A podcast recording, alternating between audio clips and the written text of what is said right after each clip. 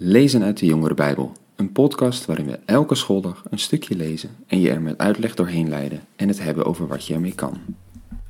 Hallo leuke podcastluisteraars. Leuk dat je weer luistert naar een aflevering vandaag. We hebben deze week het dus over het verhaal van Job. Het bekende, soms bizarre verhaal. Hij was rijk, maar is alles kwijtgeraakt doordat de Satan God vroeg of Job wel echt oprecht hem vertrouwde. Of dat het puur was omdat God hem zegende met alles.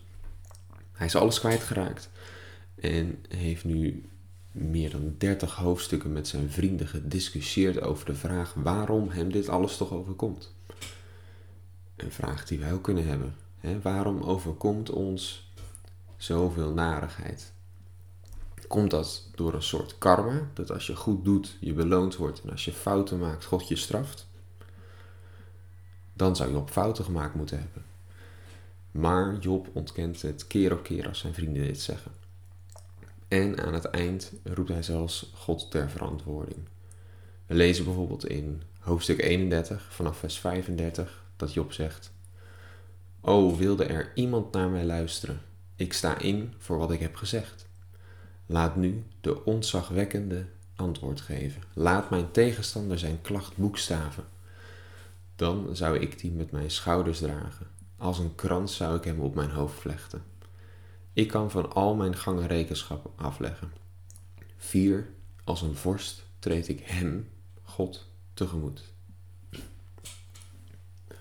Hij is dus zo zelfverzekerd van zijn zaak dat hij tegen God zegt: Kom maar op, vertel maar. Heb ik iets verkeerd gedaan? Straft u me daarom? Dan kan ik me verdedigen en laten zien dat ik gelijk heb en niets misdaan heb. Als je dan bedenkt tegen wie Job het, hebt, het heeft. Tegen de God die alles gemaakt heeft. Het heelal, alle sterren, de planeten, de aarde, al het leven. Hij die alles weet wat er speelt. Dan is dit toch wel een klein beetje een hoogmoedige uitroep. En hoe zal God reageren? Reageert God daarop? Wonderlijk genoeg komt vervolgens eh, in het boek van Job God daadwerkelijk om Job een antwoord te geven op zijn vragen. Om hem te vertellen waarom hem dit allemaal overkomen is. En dat is natuurlijk interessant om te lezen, wat het antwoord van God zal zijn op die vraag waar ze al zo lang over aan het nadenken zijn. Waarom is Job dit allemaal overkomen? En dat lezen we vanaf hoofdstuk 38. Dus laten wij er ook maar een stukje uit lezen. Daar staat: Toen antwoordde de Heer Job vanuit een storm. Hij zei: Wie is het die mijn besluit bedekt onder woorden vol onverstand? Sta op, Job, wapen je. Ik zal je ondervragen. Zeg mij maar wat je weet. Waar was jij toen ik de aarde grondvestte? Vertel het me, als je zoveel weet. Wie stelde haar grenzen vast? Jij weet dat toch? Wie strekte het meetlint over haar uit? Waar zijn haar sokkers, sokkels verankerd? Wie heeft haar hoeksteen gelegd, terwijl de morgensterren samen jubelden en de hemelbewoners juichten van vreugde? En wie sloot de zee af met een deur, toen ze uit de schoot van de aarde brak? Ik hulde haar in een gewaad van wolken en omwond haar met donkere nevels. Ik legde haar mijn grenzen op en sloot haar af met deur en grendelbak. En zei: Tot hier en niet verder. Dit is de grens die ik je trotse golven stel. Heb jij ooit de morgen ontboden, de dageraad zijn plaats gewezen, om de uiteinden van de aarde te pakken en de godlozen van haar af te schudden? De aarde krijgt vorm als klei onder een zegel. Haar oppervlakte wordt gedrapeerd als een kleed. Alleen de goddelozen blijven verstoken van licht. Hun opgeheven arm wordt gebroken. Betrad jij ooit de plaats waar de zee op welt? Heb jij over haar diepste bodem gewandeld? Zijn poorten van de dood zijn die aan jou getoond? De deuren van het diepste donker, heb jij die gezien? Kun jij de aarde in haar volle uitgestrektheid bevatten? Vertel het, als jij het allemaal weet. Ja, eigenlijk een apart antwoord, hè? Wij hebben gelezen in het begin over wat er gebeurde tussen Satan en God en hoe ze met elkaar spraken over Job.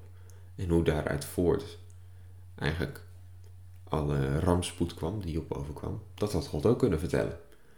Maar dat doet hij niet. In plaats daarvan geeft hij dit antwoord. Gods antwoord is eigenlijk: Weet je wel tegen wie je het hebt? Kijk eens naar wat ik allemaal gedaan heb en wat ik allemaal doe. Hoe groot ik ben. En waarom zeg jij dan dat jij het beter weet? Ja, dat is misschien niet een antwoord waar we op hopen als we God midden in onze nare omstandigheden vragen: waarom? Waarom, God, gebeurt dit? Dan hoop je juist een antwoord te geven hè, wat, wat uh, ja, je rust geeft. Waardoor je zegt van nou oké, als het daarom moet, dan, dan moet het maar. Maar hier zegt God eigenlijk, ja waarom vraag je het aan mij? Ja. We, dan kunnen we natuurlijk denken, is dit wel een goede keuze? God, waarom doet hij dit? Maar toch, toch kan een antwoord als dit, een antwoord dat God hier gegeven heeft, helpen. Omdat we dan weten dat God zoveel groter is. Dat Hij alles weet. Hij die alles gemaakt heeft, die weet wat er speelt. Dan weet Hij ook wat er moet gebeuren. Hij weet wat Hij doet. Wie zijn wij dan om dat in twijfel te trekken? Als je weet dat God zoveel groter is dan ons, dan kan je het misschien toch loslaten dat er dingen gebeuren die wij zelf niet begrijpen. Dan kunnen we het loslaten om te vragen waarom, maar accepteren dat God het geeft en neemt, zoals Job al zei. En misschien zelfs God loven daarvoor, maar dat is moeilijk. Nou ja, dat is weer een interessante les uit het boek Job voor vandaag. Laten we daarover nadenken. Tot morgen.